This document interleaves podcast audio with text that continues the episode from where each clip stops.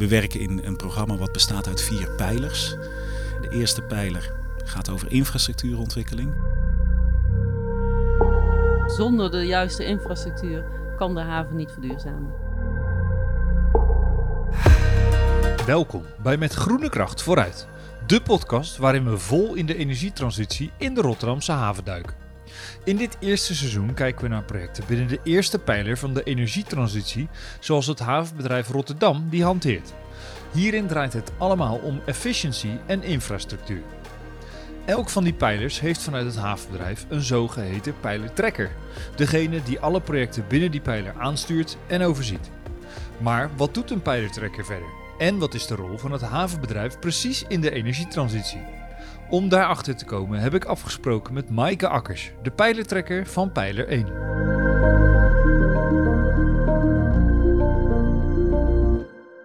Ik ben Maaike Akkers. Ik ben programmamanager energie-infrastructuur bij het havenbedrijf Rotterdam. En dat betekent eigenlijk dat ik eh, vooral bezig ben met kabels en leidingen in de grond leggen om voor de bedrijven in de haven de energietransitie mogelijk te maken. Ja, en dan, nou ja, die energietransitie hebben we in de eerdere aflevering gehoord, doen we aan de hand van vier pijlers.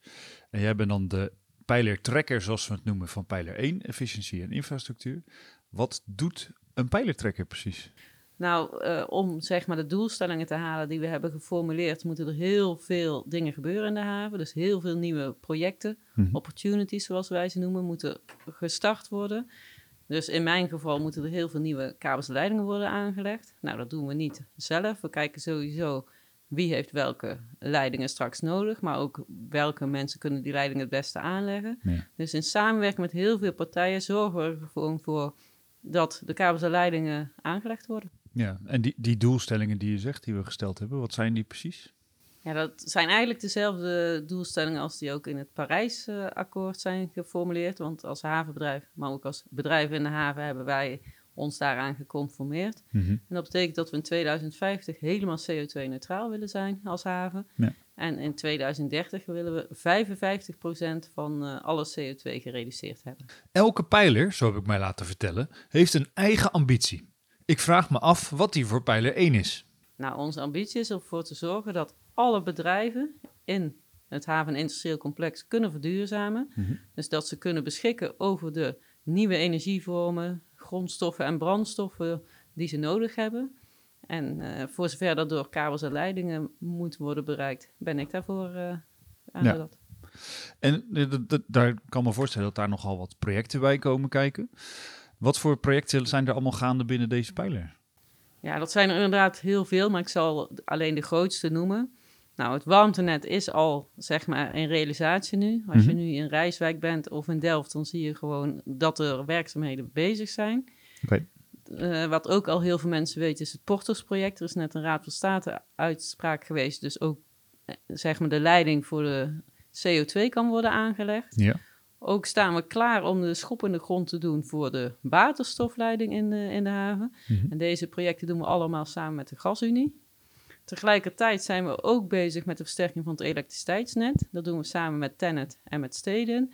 Al in 2018 zijn we met hen plannen gaan maken van hoe eh, moeten we het elektriciteitsnet gaan versterken om straks ook de industrie te kunnen laten in, eh, zeg maar elektrificeren. Mhm. Maar ook walstroom en ook eh, ehm, zeg maar laadpleinen voor vrachtwagens. Dus zeg maar alle elektriciteit die nodig is in het kader van de energietransitie. Ja. Zijn we al in 2018 mee begonnen om op tijd klaar te zijn. Want je moet je voorstellen, die projecten duren gewoon lang. Ja. Wel tien jaar soms. Oké. Dus eh, vandaar eh, samen Tennet en Steden dus ook de versterking van het elektriciteitsnet. Ja, en die, die tien jaar, zit hem dat dan puur in, echt in het bouwen van het project? Of is het ook gewoon de hele aanloop ernaartoe, zeg Nee, maar? ook de hele aanloop. Is echt van A tot en met Z. Ja. Want juist, zeg maar, om alle vergunningen enzovoorts voor elkaar te krijgen, daar zit ook veel tijd in.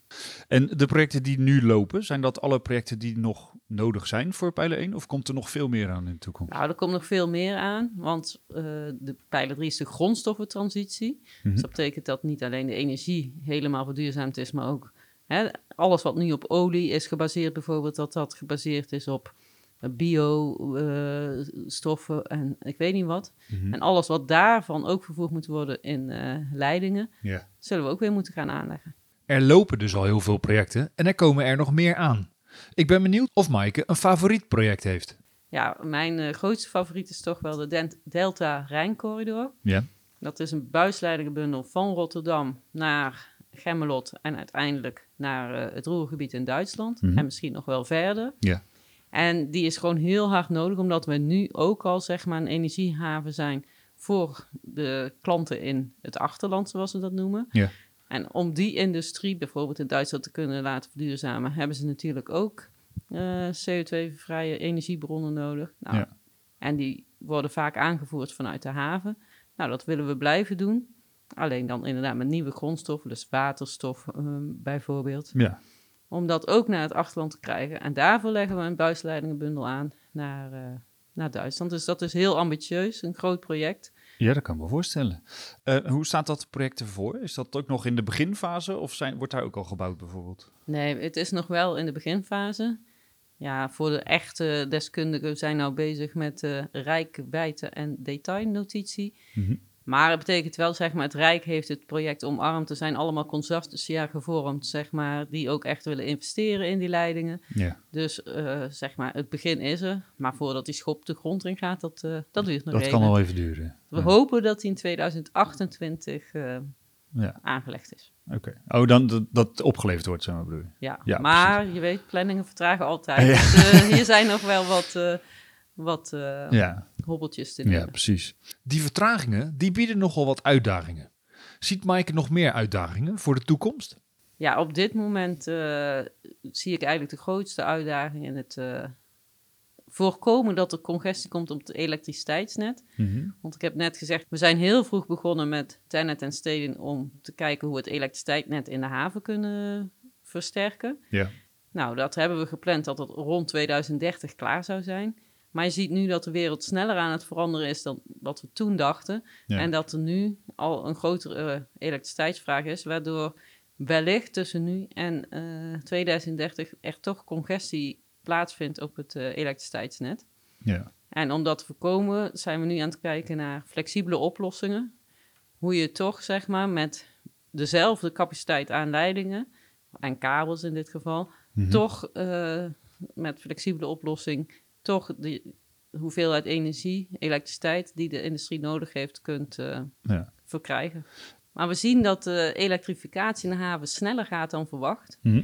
Want eh, nou ja, we leggen walstroom aan, laadpleinen voor elektrische eh, voertuigen. Maar vooral ook omdat er veel windmolens op zee komen, komt er heel veel elektriciteit van de zee het land op. Ja. Nou ja, die elektriciteit die moeten we natuurlijk ook kwijt kunnen. Mhm. Enerzijds in het elektriciteitsnet. Anderzijds wordt het voor een deel waterstof gemaakt, omdat het gewoon onmogelijk is om al die elektriciteit in één keer in het elektriciteitsnet te krijgen. En wat, wat, voor, wat voor soort oplossingen moeten we dan aan denken? Nou ja, het net is vaak uitgelegd op piekbelastingen, Ja. maar niet altijd gebruik je natuurlijk de piek. Dus je kan je voorstellen als het ene bedrijf op het moment minder elektriciteit nodig, nodig heeft, dat het andere bedrijf het dan gaat gebruiken, wat in de buurt is. Mhm. En ook eh, met batterijenopslag, zeg maar, dat je het gewoon makkelijker kan verdelen. Ja. Wat hier een heel goed hulpmiddel bij is, is eh, allerlei digitaliseringsoplossingen. Waardoor je kan zien wat een verbruikt, wat de ander verbruikt. Als de een minder verbruikt, kan de ander weer wat meer verbruiken. Dus Ja, zo precies. probeer je het op te lossen. Zonder dat er extra infrastructuur nodig is. Ja, je zegt vanwege de congestie dat de wereld eigenlijk sneller verandert dan we dachten. Maar is het dan, dat is eigenlijk een beetje tegenstrijdig, want dan aan de ene kant verandert het sneller, maar daardoor vertraagt ook weer dan de hele boel. Nou, ik zou niet willen zeggen dat het vertraagt, want de projecten lopen gewoon door. Alleen eh, de projecten zijn wat later klaar dan we nu nodig zouden hebben. Dus eh, we gaan niet vertragen, we gaan alleen er een schep bovenop doen. Ja. Om ervoor te zorgen dat toch ook die versnelling in elektrificatie kan plaatsvinden. Er zijn dus veel projecten in de haven op het gebied van infrastructuur. Maar wat is de exacte rol van het havenbedrijf nou precies hierin? Dat eh, vind ik een hele goede vraag, want als havenbedrijf zijn we eigenlijk ook maar één speler in de haven. Dus enerzijds het bedrijfsleven, alle bedrijven in de haven. En ook eh, als je kijkt naar infrastructuur, zijn er natuurlijk heel veel netbeheerders. Wat wij proberen te doen is in ieder geval voor te zorgen dat de infrastructuur er is. Wij hoeven niet per se zelf de infrastructuur aan te leggen. We doen bijvoorbeeld de waterstofleiding samen met de gasunie. Nou, elektriciteit, dat is, eh, elektriciteitsmarkt is gereguleerd. Dus Mhm. Tennet en Stenen staan daarvoor eh aan zet bij ons in de haven. Ja. Maar wat wij doen is dus samen met al die bedrijven ervoor zorgen dat het er komt. Dus we zijn verbinder, we zijn aanjager. Eh, Tot nu toe niet, maar we zouden zelfs af en toe mede-investeerder kunnen zijn. Als Mhm. je daarmee iets kan, kan verhelpen, is tot Ja. nu toe eigenlijk nog nauwelijks gebeurd. Maar vooral ja, aanjager, verbinder, partijen bij elkaar brengen. ja, precies. Zorgen dat het gebeurt. En ook richting de overheid, als er knelpunten zijn, ook die zeg maar eh, Ja. daar op tafel leggen. Helder. Natuurlijk zijn wij als eh, havenbedrijf Rotterdam niet als enige bezig met de hele energietransitie. Mhm. De haven van Antwerpen doet dat. In Duitsland speelt natuurlijk van alles. Dus iedereen kijkt ook een beetje naar elkaar. En we werken ook samen. Bijvoorbeeld, ik heb net iets gezegd over de Delta Rijncorridor. Ja. Om de bedrijven in Duitsland te kunnen laten verduurzamen, hebben ze aanvoer van nieuwe energiebronnen nodig. Mhm. Want daar kunnen ze niet 100% zelf voor zorgen. Dus dan kij- kijken ze toch naar de havens. Bijvoorbeeld waterstof wordt geïmporteerd vanuit verschillende landen. Nou ja, dat moet ergens binnenkomen. Kan via Hamburg, via Antwerpen, via Rotterdam. Nou, we zien op dit moment dat naar het Roergebied in Duitsland het allergrootste deel via Rotterdam gaat. Mhm. Maar ook die bedrijven in Duitsland zullen niet naar één haven gaan kijken. Dus die proberen samen te werken met ons, met allerlei andere partijen. Maar hetzelfde doen ze ook met Antwerpen en hetzelfde doen ze ook met Hamburg. En wat voor hen de makkelijkste, goedkoopste, beste oplossing is, die kiezen ze. Ja. En wij zorgen ervoor dat Rotterdam op de kaart staat en dat wij eh, de juiste infrastructuur hebben, zodat ze er ook gebruik van kunnen maken. Ja. Betekent niet dat er niks via Hamburg zal gaan en niks via Antwerpen. Dat gebeurt nu ook en dat zal ook zo zijn. En uiteindelijk is dat ook helemaal niet erg, want om heel die energietransitie en die grondstoffentransitie mogelijk te maken, heb je eigenlijk al die havens nodig. Ja. Want dat is zo'n gigantische klus. Als je op, eh, Ja, je kan het Gewoon- niet alleen. nee, op Noord-West-Europees niveau kijkt, heb je gewoon heel veel nodig. Ja. Alleen wij proberen natuurlijk als Rotterdam er wel voor te zorgen dat wij onze zaakjes op tijd en goed voor elkaar hebben.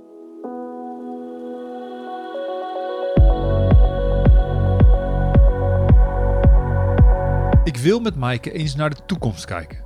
Wat is haar ultieme toekomstbeeld voor de haven? Ja, uiteindelijk dat we een even eh, levende, vitale haven hebben, net als nu. Alleen dat het helemaal CO2-neutraal is. Ja. Dus er zijn geen kolen meer, geen olie meer. Al de grondstoffen, brandstoffen zijn vervangen. Mhm. Alle vrachtwagens die rijden ook op elektriciteit of op waterstof. Schepen op me- methanol. Dus dat alles gewoon 100% circulair is. Voor al die nieuwe energiestromen is dan ook natuurlijk de juiste infrastructuur aanwezig. Ehm, wat moet daar nog voor gebeuren om dat waar te maken? Nou ja, dus we zijn eigenlijk nog maar net begonnen. En Mhm. we hebben de grote leidingen die ik net heb verteld, die zijn aardig, eh, aardig op, op stoom. Ja. Maar straks komen er ook weer nieuwe leidingen bij. Ook voor waterstof zijn er natuurlijk verschillende vormen, die ook weer verschillende infrastructuur vragen. Voor de grondstoffentransitie, dat weten we allemaal nog niet precies, maar er komen ook allerlei nieuwe grondstoffen die, ja, waarvoor we ook de juiste infrastructuur moeten aanleggen. Dus eh, voorlopig hebben we nog wel eh, Ja. wat werk te doen. Die grondstoffen, die de transitie die er aankomt, gaat dat allemaal door dezelfde buisleiding dan? Of hoe gaat dat? Nee, we denken bijvoorbeeld bij de grondstoffentransitie aan een multicore leiding. Dus dat je zeg maar kleine leidingjes in één bundel legt. Oké. Want waar we natuurlijk enorm eh voor uit moeten kijken, is dat het onder de grond ontzettend druk wordt. Ja.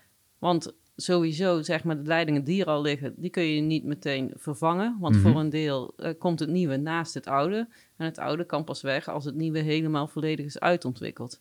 Dus de komende jaren, ik denk eh, tot 2040 misschien wel, wordt alles onder de grond eigenlijk dubbel gebruikt. Ja. Dus eh, ook onder de grond is de ruimte schaars. Dus we moeten wel heel goed plannen en kijken hoe we al die infrastructuur onder de grond goed geordend erin krijgen. Want de ruimte is beperkt. We hebben in de haven mooie leidingenstroken. Maar ja, die liggen natuurlijk al behoorlijk vol. En nu Ja. komt er nog eens een keer het dubbele misschien wel bij. Ja. Maar is dat die leidingsstroken, dat is nu ook met name voor fossiel nog, denk ik? Ja. Ehm, wordt dat dan gewoon één op één vervangen? Kunnen we die leidingen laten liggen en gebruiken voor iets anders? Of? Nou, uh, kijk, de komende tijd zal het naast elkaar zijn, want dan hebben we en nog olie en nog gas, maar ook al de nieuwe vormen. Mm -hmm. Uiteindelijk zullen inderdaad de gas- en de olieleidingen minder worden. En uh, of die allemaal herbruikbaar zijn, dat gaan we natuurlijk wel bekijken. Ja. Maar voor een deel zullen ze hergebruikt kunnen worden. Maar voor een deel zullen ze ook, uh, denk ik, uh, verwijderd moeten worden. Maaike had het even eerder over elektrificatie en opslag van elektronen. Je ziet het al meer en meer in de haven. Bijvoorbeeld bij Herema, dat met windmolens walstroom voor hun kraanschepen Tialf en Slijpmeer opwekt. Gaan meer bedrijven dit doen in de toekomst? Uh, ja, zelfopwek is wel heel erg interessant natuurlijk. Mm -hmm. Ik bedoel, zonnepanelen is relatief eenvoudig en snel terug te verdienen. Ja. Dus ja, er zal eigen opwek zijn. Maar als je kijkt wat voor een elektriciteitsgebruik en verbruik er in de haven is, zal dat niet allemaal met eigen opwek uh, lukken. Als ik Maaike zo hoor, komt er dus veel meer kijken bij het aanpassen van de infrastructuur voor de nieuwe energievormen dan ik dacht. Nee, ik denk uh, dat, het, uh, dat heel veel mensen niet beseffen, met name welke consequenties de energie heeft voor de energieinfrastructuur onder de grond. Hmm. Kabels en leiding is voor veel mensen in ieder geval niet sexy en ook niet heel erg duidelijk. Nee. Maar ik denk dat het best goed is om te beseffen wat dat allemaal met zich meebrengt onder de grond. En als we dan nog even inzoomen onder de grond. Hoeveel kabelsleidingen liggen er nu?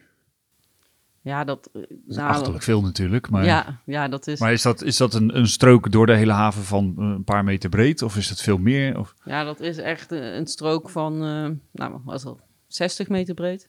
Uh, nou, de kabels- en leidingenstrook wordt in principe beheerd door de gemeente. Mm -hmm. Maar dan wel zover het het havengebied is, samen met het havenbedrijf. Ja. Kijk, ieder bedrijf kan een kabel aanvragen en dan uh, wordt uh, bij de gemeente gekeken, kan dat en hoe kan dat dan? Maar de gemeente is dus het bevoegd gezag, maar de gemeente stemt altijd af met onze kabels en leidingen mannen uh, binnen het havenbedrijf. Elke aflevering van deze podcastserie sluit ik af met dezelfde vraag voor al mijn gasten. Maaike zet zich als pijlertrekker voor pijler 1 hard in voor een CO2-neutrale haven. Maar hoe gaat zij zelf met groene kracht vooruit?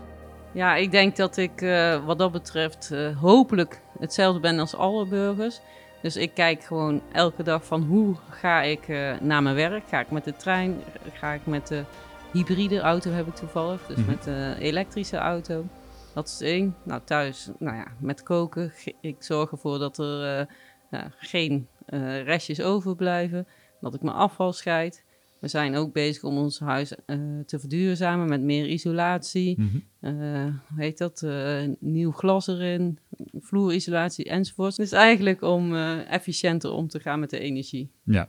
Maar ik denk, ja, als we met z'n allen ons beste aandoen, dat we echt met, met iedereen een beetje heel veel kunnen bereiken. Ja, veel kleine beetjes zijn een heel groot beetje alles bij elkaar natuurlijk. Ja. Dank voor het luisteren naar deze laatste aflevering van het eerste seizoen van Met Groene Kracht vooruit. Mijn dank gaat uiteraard ook uit naar Maaike Akkers van Havenbedrijf Rotterdam.